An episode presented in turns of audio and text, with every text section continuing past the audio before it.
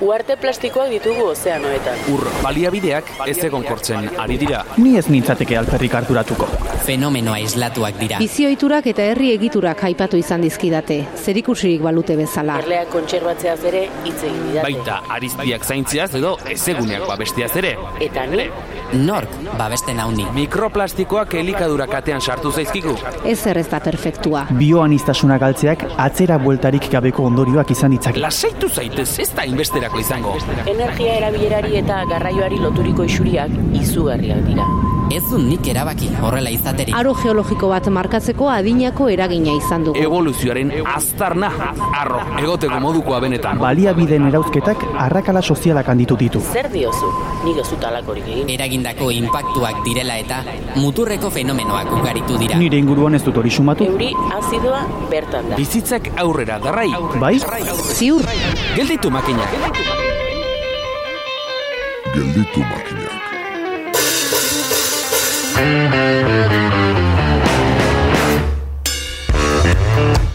Robert Filouren esanetan, artea da bizitza artea bera baina interesgarriagoa egiten duena. Landa eremuan arterik egin daiteke? Landa eremuan arterik egin daiteke landa eremukoentzat? Landa eremuan arterik egin daiteke landa eremukoentzat landa eremukoa izanik? Galdera formulatzen jarraitu aurretik Ane Ibañez guridi eta Mark Badal bisitatuko ditugu. Kanpoko bulegoa izeneko proiektuan dabiltza burubelarri eta bulego horretatik bertatik ikusiak kontatuko dizkigute. Arte mundutik arago, elikadura modu osatuan ulertuta, egoera ekosozialaren gakoetako baten gisa ari da azaleratzen. Barnean baditu ordea gai konplexuak eta horietako bati helduko diegu nor talde antiespezistako kide den maialen sagosekin. Arteak elikatzen gaituelako eta elikadura bera ere arte delako, astera doa gelditu makinak saioaren bigarren denboraliko emezortzigarren atala.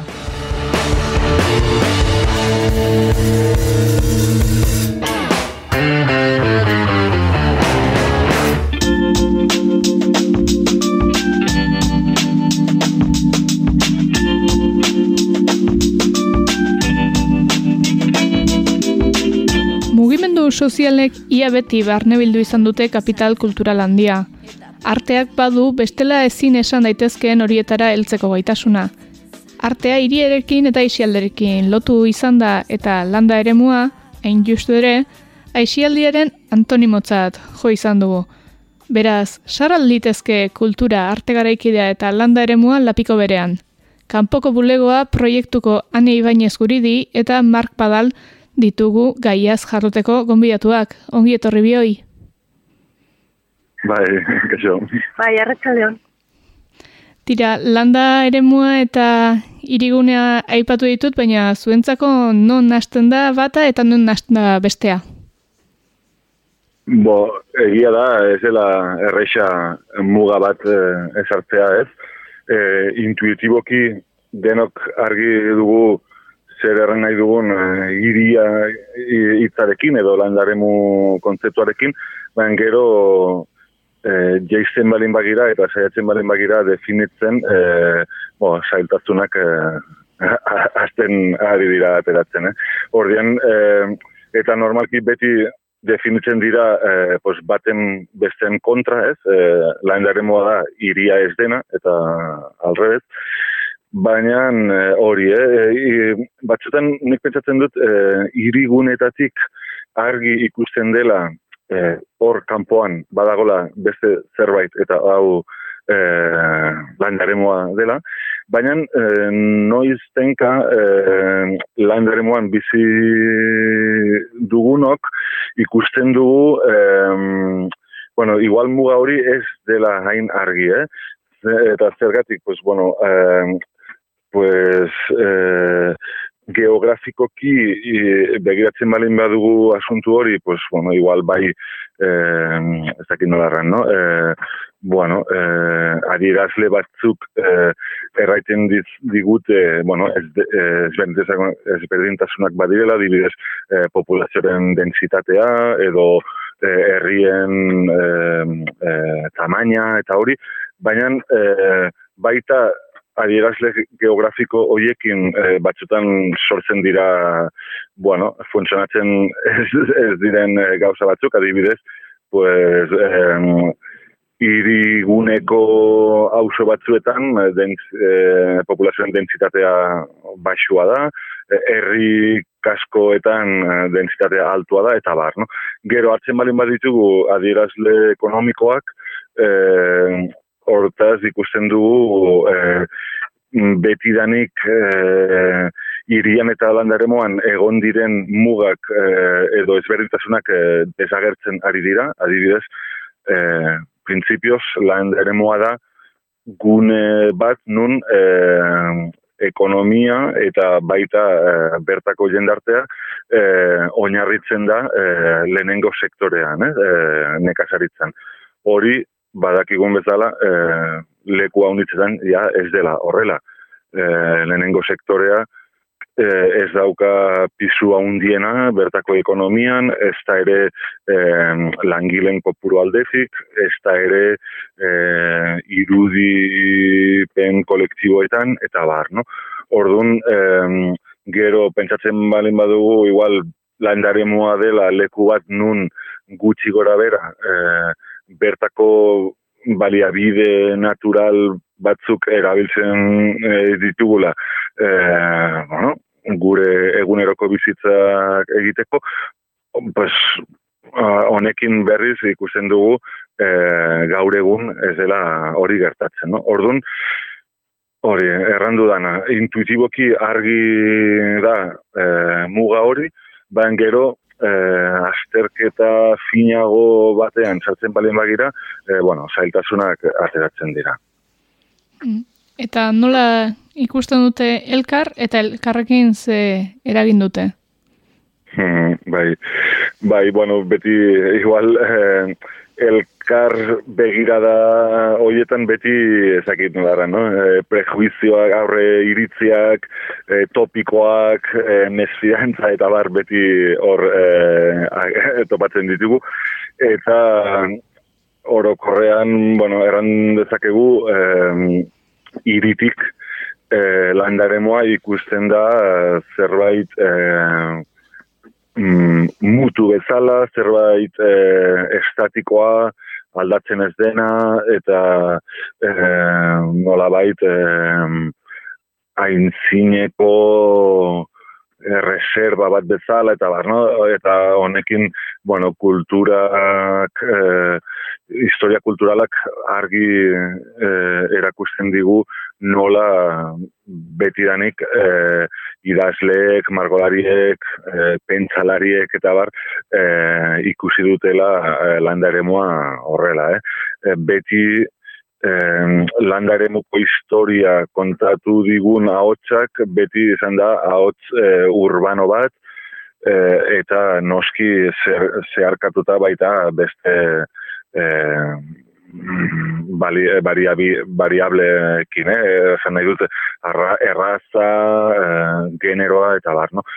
Orduan, orokorki hirietatik ikusten da landaremoa eh, kanpoko zerbait bezala, eh? E, gune bat nun e, egun, gure egon, eguneratasunean topatzen dit, ez ditugun gauzak hor topatuko ditugula, eh? zerbait horrela. Aldiz, landaremutik nola ikusten da iria, ba, pues, hor topatzen dugu antizentralismoaren topiko honekin, eh?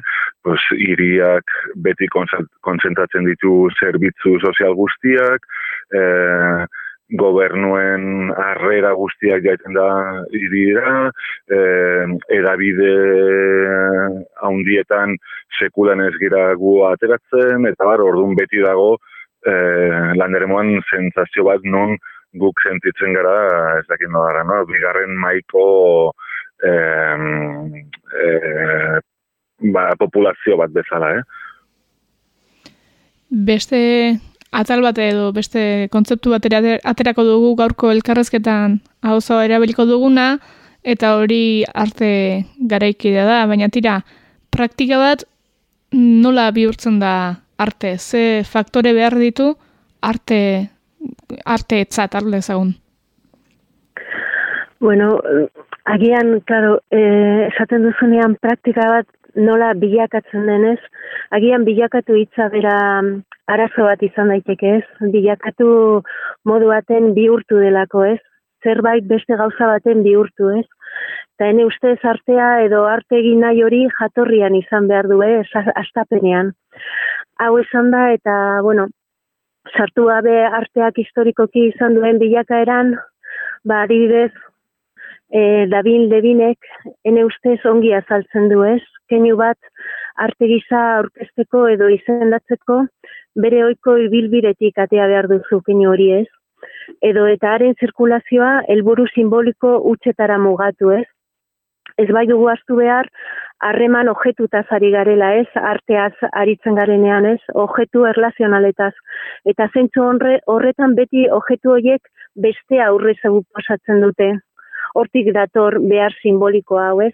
Orduan, zuri erantzunteko nik esango nuke borondateta, borondatea barkatu eta desbideratze bat egon behar du hor keinuaren e, aurretik. Eta landa ere muen baldago, horrelakorik baldago arte adierazpenik? landa ere muen, ba, ba bait, e, Bai, noski, e, badago arte adierazpenik eta batez ere, bueno, azken bola dantan, gero eta ezakit, gero eta um, atentzio gehiago dauka landa eremuak eta arreta modu batez e, ez dakit gure ganatzen aigea, batez ere ez dakit e, arte mundutik, o ez dakit nola esan gauen un. E, gauza da, ba, arte adierazten horiek ze, ze jatorria dute ez, ez dakit. Ze, bueno, garaiko artea zerbaiten islara bada, ete gabeko mugimenduarena izango zen ez. Potentzialki hori Ba, ez da txarra, ez, ez, ez dakit, eh, ba, adibidez, estaduek e, inposatutako mugetatik kanpo aritzea albideratuko zezakeen, ez? Aldaketa sozialerako bide berriak irikiz, ez? Baina finean, autonomia naiz askatasun simulakro bat bihurtzen da, ez? Artista kapitalismo berak bultzatutako dinamiketan itotzen bai da, ez? Beraz, e, landa ere muan egin oidiren diren interbentzioak, urrutitik egin ohi dira, ez? Distantzia ezin gaindituz. Horregatik gehienetan azalekoak izaten dira. Beste gauza bat e, agian aipatu nezakena da sarri horrelako artelanak jasotzen dituzten katalogoek aipatu ohi duten elkarrizketa, eh? Alegia, ba artistak inguruarekin, sarri naturarekin ze hor askotan ez baida ezberdintzen, abiatzen duen elkarrizketa hori, ez? Eta nik e, behintzat e, nire ustez liurak nekez izaten da elkarrizketarako oinarri sendo bat, ez? Bakarrizketarako baizik, ez? Liura hori distantzia berak ezartzen du, ez? Eta hor nabardurak eta hor e, modu batez ezakit, e, gelditzen dira ezabatuak, ez? Eta orduan gelditzen dena da dimensio bakarreko errealitatea, ez? Eta hori da azala, ez? Azala utza, ez dakit hori da nere, nere iritzia, ez? Nabartura kaipatu dituzu eta injuistu ere zuek nabarduren bila hariko zaretela uste dut, kanpoko bulegoa izeneko proiektua duzu eta konta inguzue, zertan datza proiektu honek? Bo, eh, bo nola bait, eh, gure bakoitzaren ibilbideak eh, batu nahi genitun, eta, bueno, azkenean, kanpoko bulogo da, aitzaki bat, eh, bueno, gai batzuk eh, lantzeko, eta zen gaiak, pues, bueno, normalki gaure, gure eh, gaur egungo bizitzan eh, bizi bizitzen ditugun gaiak, eh? Orduan, zen, bueno, hori, eh? Pues, nola bait, eh, tresna bat, edo aitzaki bat, eh, beste leku batetik eh, pentsatzeko eh, normalean gaur, eh, bueno, eh, eguneratu, bueno, gaur egungo ritmoan, e, bueno, kruzatzen ikusten ditugun gauzak, no?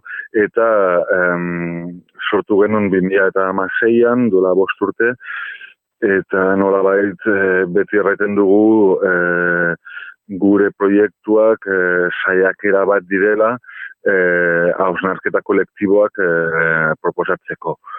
Eta batzutan egiten ditugu gure ekintzak edo programa txikiak e, bertako eragileekin, erran nahi dut e, e, laborariak, u, e, Pirineoko uda, udaletxetako e, elkargoak, edo beste eragile kulturalak eta sozialak hemen Pirineoan, noiz bait e, e, lan egin dugu artistekin edo artisau batzukin, baina mm, gure proiektuetan beti eh, arnarketa gogo bat eh, eh, datzan, eh, hor azpian.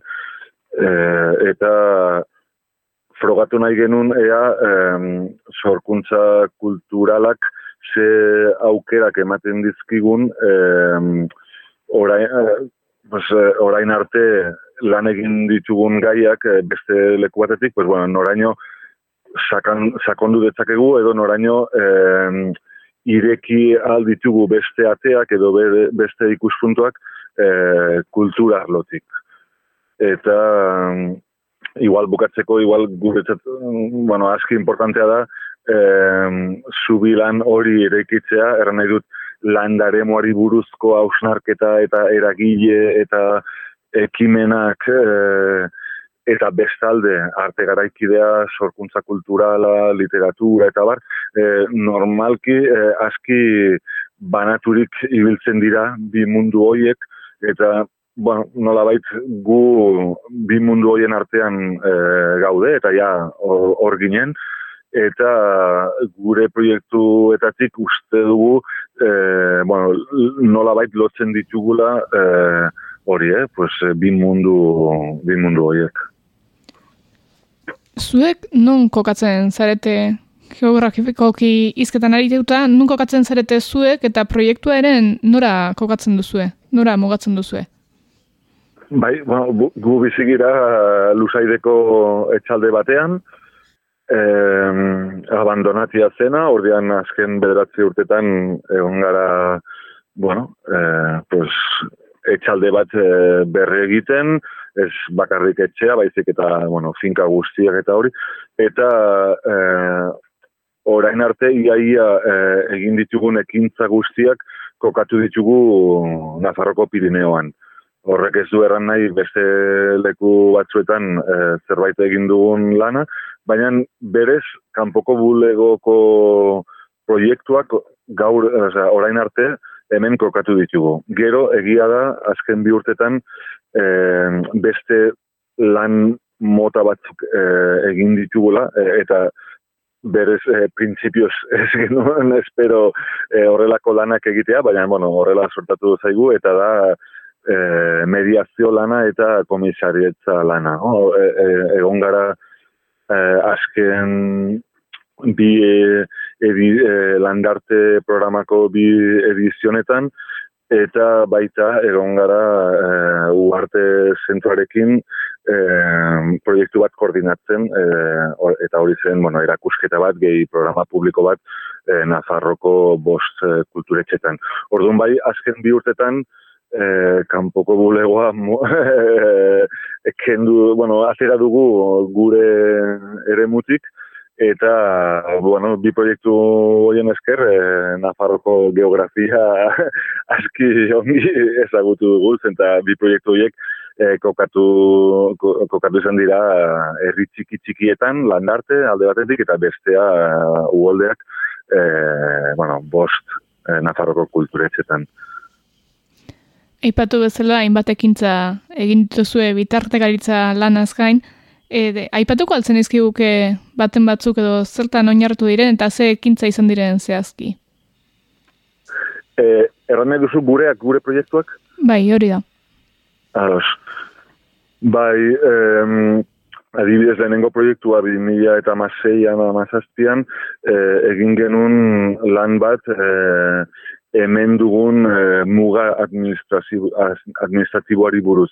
Zenta gure baiaran, e, bueno, e, banaturik dago, alde batean da arnegi, eta bestaldean eluzaide, eta erdian dugu erreka bat, eta erreka horrek egiten du muga, e, bueno, e, bi estadu, e, Frantzia eta Espainian artean. Orduan, egin genitun hainbat ekintza horri buruz, bereziki zentatuz e, e, laborantzan eta mendiko bizitzan, orduan pues, egin genuen adibidez sola saldi bat e, baita luzaideko eta baita arnegiko laborari batzuekin e, mendiko suari buruz, no? gai aski kompleksua eta bueno, eh, aski delikatua eta hori, eta publikorik gabe, adibidez, pues, borda batean, arnikiko borda batean, antolatu genuen sola saldi bat, hori, eh?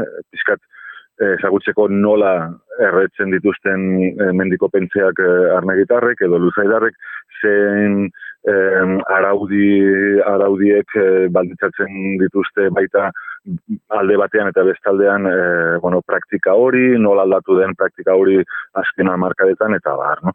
Edo duela bizpairu urte, egin genuen beste proiektu bat, eh, hainbat ekimenekin, baina bat adibidezten eh, lan egin genuen eh, eh, eh, landa turismoari buruz, eta sentatu genuen hausnarketa irati, irati, ba, irati gunean.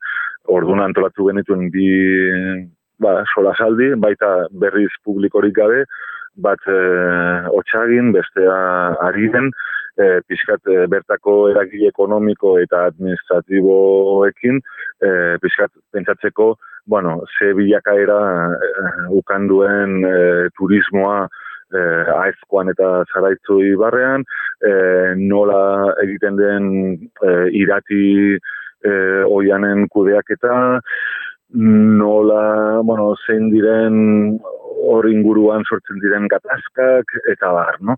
E, gero gira da beste mm, noiztenka pues, erabiltzen ditugu objektuak adibidez e, kasu honetan e, ceramista bati enkargatu genion e, pieza bat e, eta bueno e, e, erabili bueno erabili genun ceramikazko turista bat eh ausnarketa hori eh otsagin eta ari ben gertatu zen ausnarketa gero parte hartzaile bakoitzak e, bere etxera eramateko eta ariketa pertsonal bat e, agiteko. Ordun batzutan e, hori, e, e, bueno, lan aman komuna egin dugu artista edo, e, edo artizau batzuekin e, gure hausnarketa ekimenak e, osatzeko edo e, aberazteko adibidez proiektu honekin baita enkargatu genien genion e, Toulouse aldeko eh, an, eh, antzez eh, lan kompainia eh, bati, eh,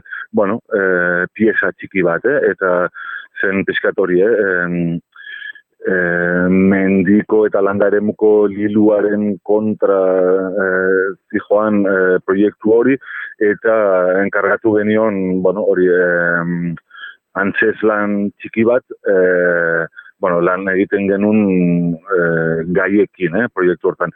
O, gutxi gora bere piti doa hori, eh, guk gaur egun bizitzen garen gai batzuei buruzko, e, beste eragile batzuekin e, e, eztabaida bat, eta gero igual eztabaida honetatik ateratzen dira e, emaitz ezberdinak, edo batzutan dira testuak, e, batzutan dira objektuak, eta bar, no? adibidez, e, lehenengo proiektu honekin e, beste gai, lan egin dugun beste gai bat zen e, e, lurraren abon, abandonamendua, eh? nola galtzen ari diren e, hainbat lurrak e, gure inguruan. Zenta, pues, biziki malda dute eta ezin da mekanizatu, orduan nola bait modernizazioaren treina erortzen diren lurrak, pues bueno, sasitzen ari dira eta denbora eta denborakin e, oiana bihurtuko da, baina e, artean, e, bueno, sasiz beteta egoten dira. Eta horrelakoak dira e,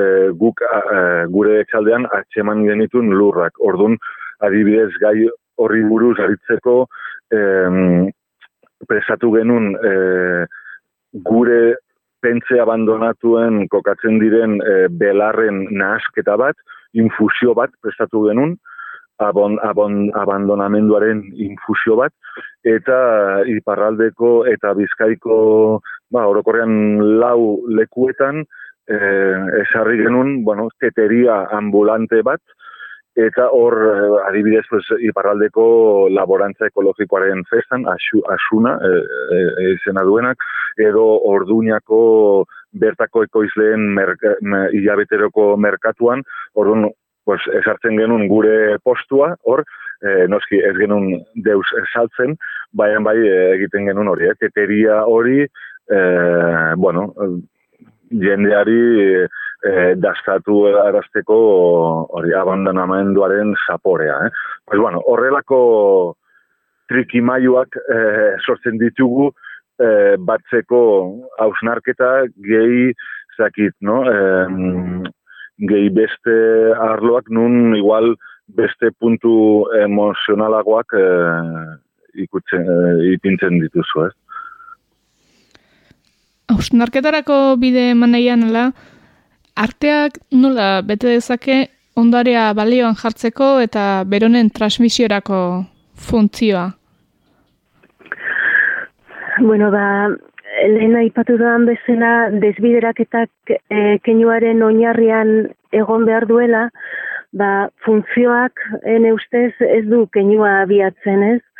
Batzutan gerta daiteke, gero, ez ustekoan, batzutan asmatu ere egiten da, ezagit. Agian artearen gan dugun fede ezan dago horrez, funtzio behar hortan ezakite e, ondarearen ariari tira eginez, ba, agian galdetu beharko genieke gure buruei ze gelditzen zaigun mundu bat desagertzen denen, ez? Ze gordetzen dugun mundu horretatik, eta ze nolako elkarrizketa abiatzen dugu gorde dugun horrekin, ez? Adidez, e, pere jaumaek dionez ez dago aski bizitza inbeste memoriarako, ez? Ezakit, gero, agroekologiak adibidez eh, sarri di erabili ohi du ondare biokulturalitza, ez? Hasiei buruz aritzen denen eh, preseski, ez? Baina ondarea hor eh, baliabidea esan nahi du, ez? Hau da, kasu honetan beste ekoizpen eredu batzuk bilakatzeko oi bilatzeko barkatu tresna, ez? Eta ez naiz bakarrik dimensio ekonomiko ta zaie, dimensio soziokulturaletaz ere. Hau da, hazi horiek islatzen dituzten logikak hori da berreskuratu nahi dena ez. Gainean, kontutan izan behar da, gure eskutara heldu izan dian hazi horiek behin eta berriro aldatu diela ez, eta horri esker bizirik mantendu dia. Beraz, e, niretzat, eh, hori nire iritzia da, gordetze soia bat bada, osea, ondare hoi ez, pilatze bat bakarrik, no, hor nola bait eten bat gertatzen da, eh? ez dakit gauza ondiritarako balio du, no, ez, ezakit hori ondarea egia esan da askotan e, gure gure hori e, pentsakizunetan dagon zerbait ze askotan topatzen dugu eta askotan arteak e, memoriari berehala berehalako re, rekurritzen du ezagin berehalako rekurso bat da ezagin memoria ez? Baino askotan memoria jasotzean e, gelditzen da, ezakit nola esan, jasotze, jasotze utz bat, ezakit.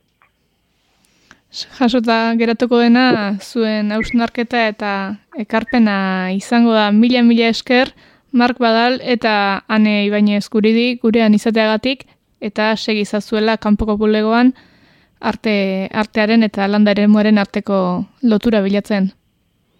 Bale, ba, mila esker zuei guzti hoi.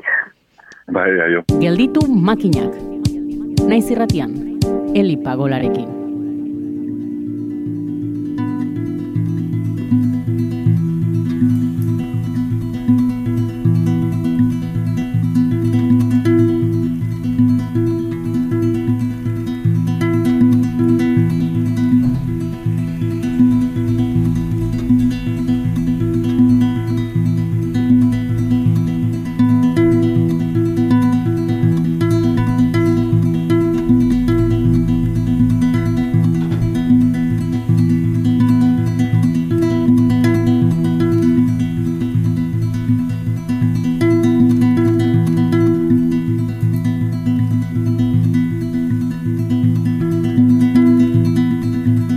Ohitura aldaketen premia esparru ugaritan aipatu da.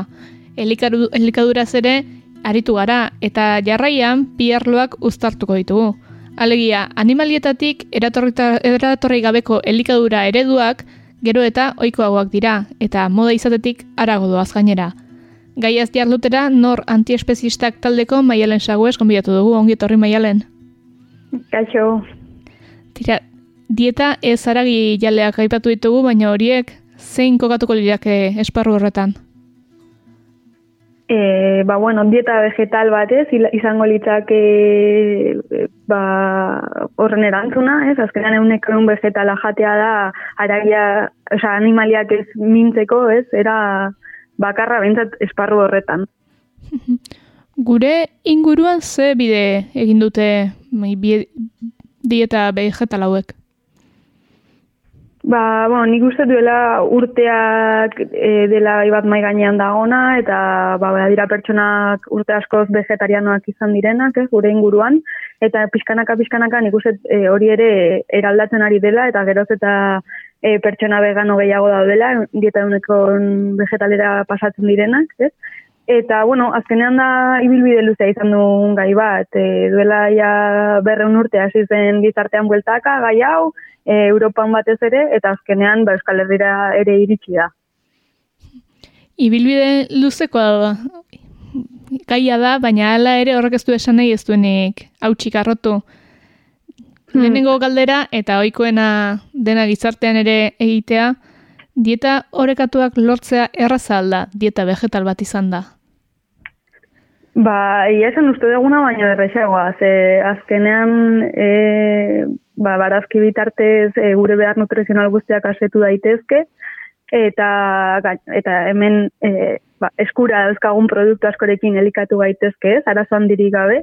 E, eta, bueno, bai, oza, zentzu horretan, uste dut, e, ez dela zaila, hautsi beharreko muga gehiago dela e, ba, kulturala, ez, edo, edo gure ohitura aldetik, hor dagoela sozialki aldaketa guztia, eta ez hainbeste elikagaietan zentratutan.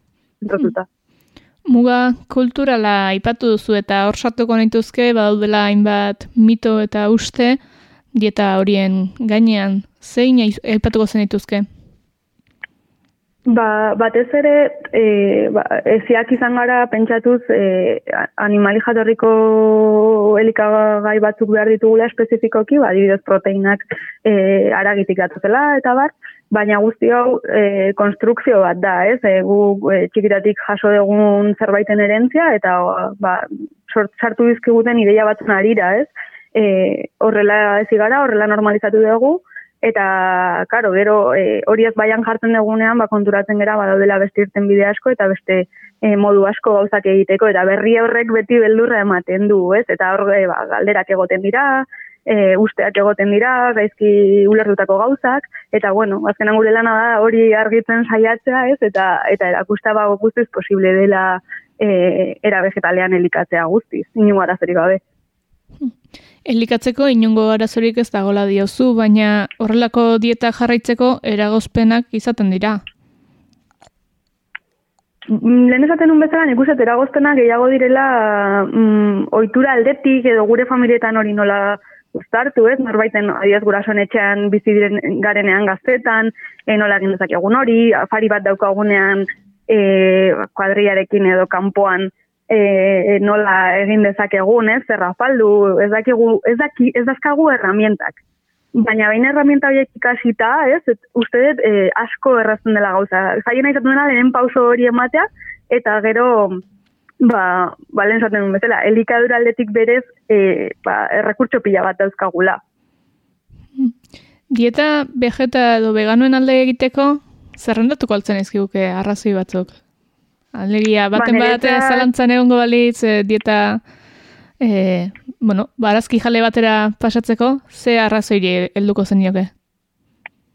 Ba, niretzat arrazoi garrantzitsu edena da e, animaliekin daukadan harremana eraldatzen duela, ez? Osa, azkenean, e, normalizatzea diuzten diozula e, animali bat plater batean egotea, ez? Eta harremantzen hasten zera beste modu batean, ikusten dituzun beste modu batean, e, sujetu bezala ikusten dituz, azkenean e, kontsumo hortatik ateraz, e, pentsakera aldatzen du eta hori da herramienta potenteena, ez? E, harreman hori ez baian jartzea eta eta bueno, ba hori, e, ez onartzea, ez, animaliak esplotatuak izatea eta objektu bilakatzea edo merkantzia, eta hori guzti hori eraldatzeko indarrak hartzea. E, egunero egiten dugun bazkaltzeko momentu horretan. Eta, bueno, izan daiteke berbera, baina dieta aragi jalea baztertzeko beste arrazoirik ikusten duzu? Ba, esango nizuke, ia berdina. Bueno, lehen hitz egin dut, igual guk plateran daukagunarekin egiten dugun harremanaz, eta bestea izango litzake beste aldea ez, e, ba, animaliek pairatzen duten hori e, eraldatu behar dela. Orduan, e, aragia jateak suposatzen du e, animalien erailketa masiboa, eta eta orduan e, arabi jale izatea gizarte honetan ba niretzat ez da aukera bat. Zuzenean erasotzen eta eta indarkeriz tratatzen ari zelako animali bat bere gorpua jateko. Orduan e, ba bueno hori aldaketa handi bat izan behar da eta niretzat ez da aukera bat sikiera ez arabi jale izatea. Hmm. Esaten duzun bezala, e, aukeren artean antiespezismoa dago dieta hauetara joateko, baina antiespezismoa dieta zarago doa. Hala ere, ikuspegi antiespekistatik, nola irakurri daiteke gero eta ohikoagoak diren e, demagun, e, aragi sintetikoak alegia animalien eriotzarik gabe ekoitzitako aragia? Hmm. Bueno, animalien jak, ba, animali jarrotorriko elikagaiak eraldatzeko, bueno, sustituitzeko edo zaldatzeko e, saiakera honetan, e, barpegi askotako gai komplejoa da, ez dakit nola esan. Osea, e, ez da erresa erantun bat ematea, ez da bai ala ez, baizik eta ze, ze ondorio eukiditzazken gure gizartean, ez? Salde batetik, e, baragi sintetikoak ekartzen duena izango litzake, ez? Aurrera begira, e, animaliak ez esplotatzea, gagian, pues dakit posible den, baina horrelako ez eta momentu honetan hori ez da ematen, eta azkenean arai sintetikoa lortzeko bideo horretan animalekin esperimentatu behar da. Orduan, e, ari gera onartzen ez, e, animaliak jan egin behar direla, eta aragia behar degula, eta hori da arazo handiena. E, errefortzu bat ematen diola argumentu horri, eta aldaketa kultural bat oztopatzen duela, ez? Benetako eraldatzaia den erantzun bat oztopatzen duela, ze benetan e, uneko unean e, elikadura vegetal bat euki dezakegu, honen bila aritzeak oztopatzen du aldaketa sakonago bat, ez? Gure jateko moduan, gure gizartean, eta beste alde, e, aragi sintetikoak produzitzen dituzten industriak, e, badira azkenean industria karnikoaren e, irten bidea, ez? Osa, ikusi dute, e, badagola ba, kontentzia sozial bat e, aldatzen ari dela, ez? E, aragia jateko ohitura hori, eta irtenbide kapitalista honek eskaintzen duena da beraiek beste produktu bat ekoiztea, ze beraiei e, berdintzaile aragia egin edo ultraprozesatu vegetalak, ez? Orduan, e, iza, da gurbil berdinean jarraitza, ez? Beraiek e, boterea eukitzen jarraitzen dute eta guk lortzen dugun bakarra da e, produktu bat edo merkantzia bat beste batengatik aldatzea. Orduan, ez dakin noraino, e, ez den hau ere e, bajarraitzea kapitalismoaren azkunde eta teknologizazio prozesuan ez, e, aurrera jarraitzea. E, benetako aldaketa bat eta beste modura gauzak pentsatu ordez. Eta txikiago eta, eta ezain beste prozesaturen artean. Aragi sintetikoak etorkizuneko produktu bezala ikusten dira gehiago, baina gaur gaurko zere, nahiko saltza sortzen dute, bueno, aragia ordezkatzeko produktu deituko gaintuzkenak, ez? Eta izendegian ere aila aipatzen direnak, ba, hamburguesa veganoak, saltxitxak, xerrak, oliaskoak, horiek leku zaku berean sartuko zen dituzke? Bazako antzekoan sartuko nituzke, nola baita esateko. Uste gauza berdin berdina egin dezaketela, eta azkenean lehen aipatu dituan, e, ba, industriaren konbertio hori e, produktu aldaketa bat dela, osea izan daiteke, ez? E, erten bide bat e, industria karnikoaren zat eta haien lobiaren zat, hori izan daiteke.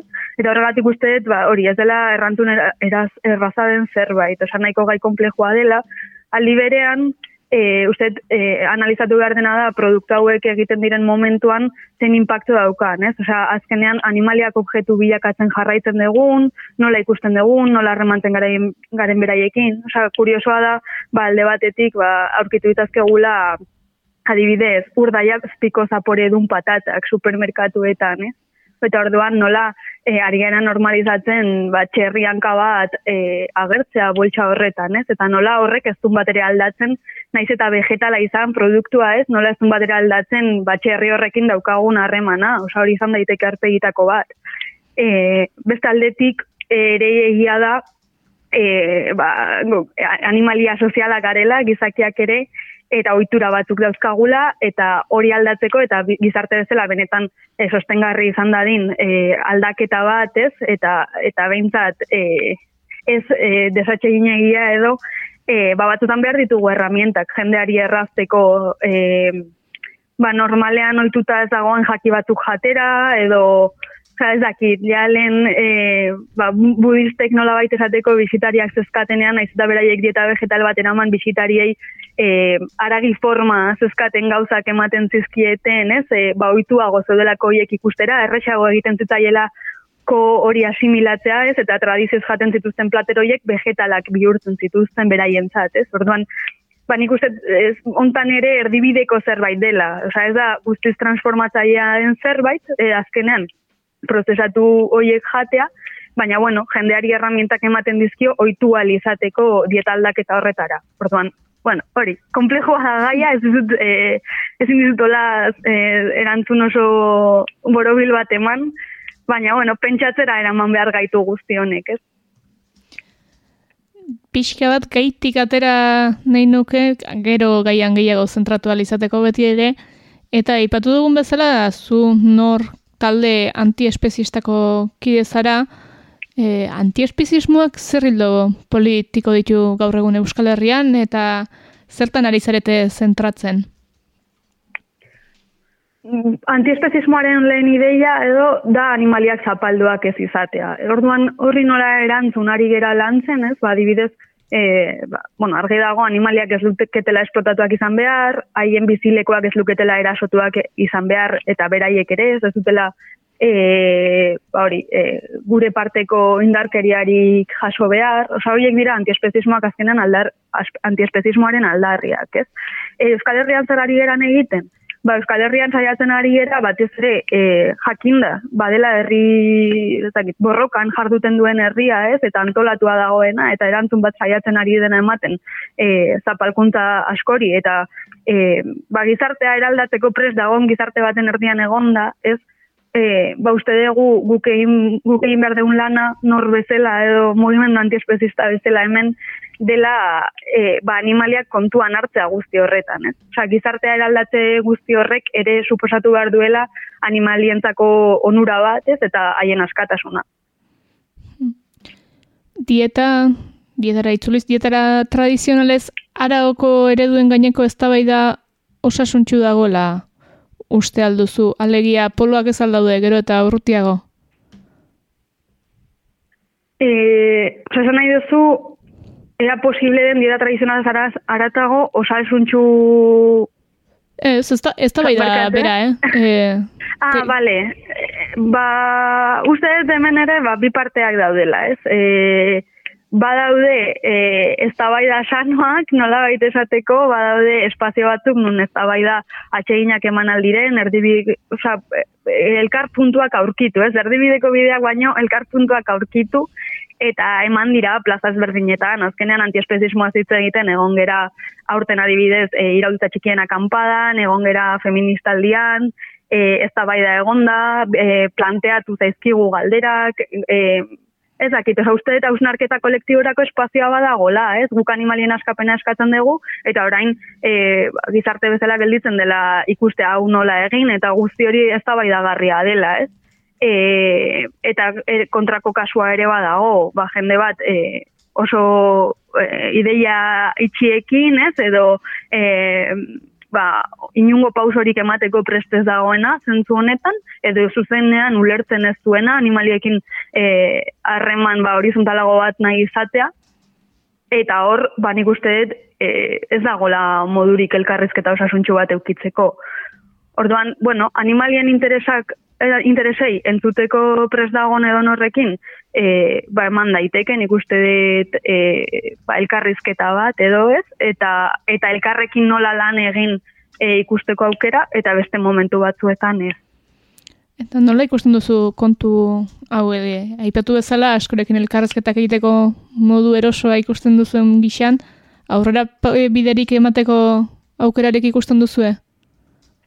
Bai, gainera nik uste dut geroz eta presenteago dago gaia dela eta geroz eta gehiago ulertzen dena. Osa, uste dut, e, arrera ona izaten ari duela azken urteetan, mugimendua gorakada bat eukizuela duela urte batzuk, eta horrela gelditu dela. Osea, e, espazio askotan sartu den gaia dela, e, aldaketak egon direla beste mugimendu batzuetan ere, ez? Osea, azkenean kontuan hartzen direnean animaliak gauza asko aldatzen dira eta emandako pauso horiek hor daudela eta eta oraindik mm, badagola intentzio bat, ez? E, elkarlanean aritzeko. Ba, osea, nik oso positiboki baloratzen dut e, egindako ibilbidea eta norantza baita ere. Badago zerbait azpimarratuko zenukeena, bueno, dieten kontu honetan, aragi jale, ez aragi jaleen arteko hauzi honetan azpimarratuko zenuken zerbait baldago. Ba, ia gehiago kontrakoa. Azkenean dieta dela puntutxo bat besterik ez, ez animaliekin harremantzeko daukagun moduan, askoz gai zabalagoa dela, eta eta polita izango litakela ba, elkarrekin hausna hartzea ez, nola egin dezakegun animaliak ere ba, e, kontuan hartzeko eta ez e, normalizatzeko ez, eta ez e, asumitzeko esplotatuak izan behar duten sujetuak direla eta hori ez dagoela gaizki, ez? Osa, azkenean e, gure askapena eskatzen ari gera askotan, ez? Eta beste batzu ere eskaini behar diegu aukera hori, eta horiek animaliak dira. Ba, maialen saguez, nor talde antiespezistako kidea, mila esker horrelako gai konplexuan, ekarpen interesgarriak egiteagatik eta jarraiteko dugu elkarpuntuak eta osnarketa kolektiboak egiten. Eskerrik asko zure gonbidapenagatik.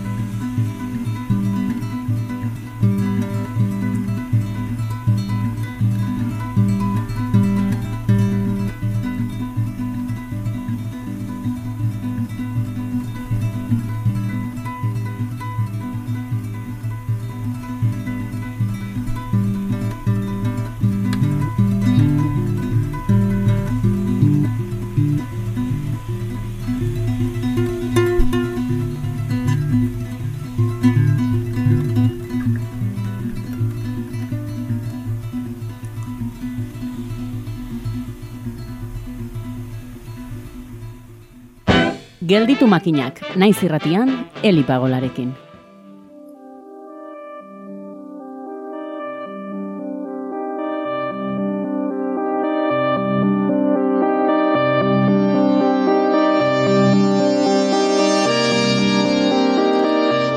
Osatu dugu bada, osatu, aurtengo emezortzigarrena ere.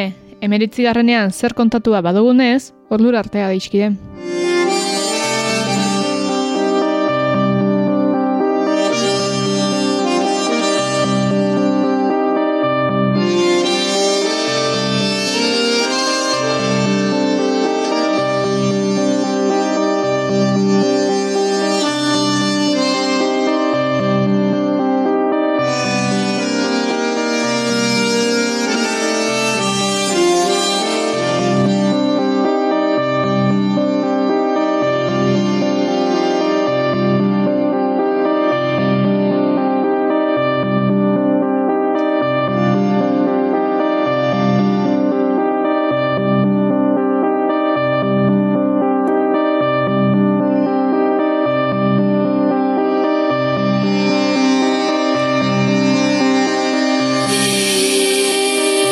you.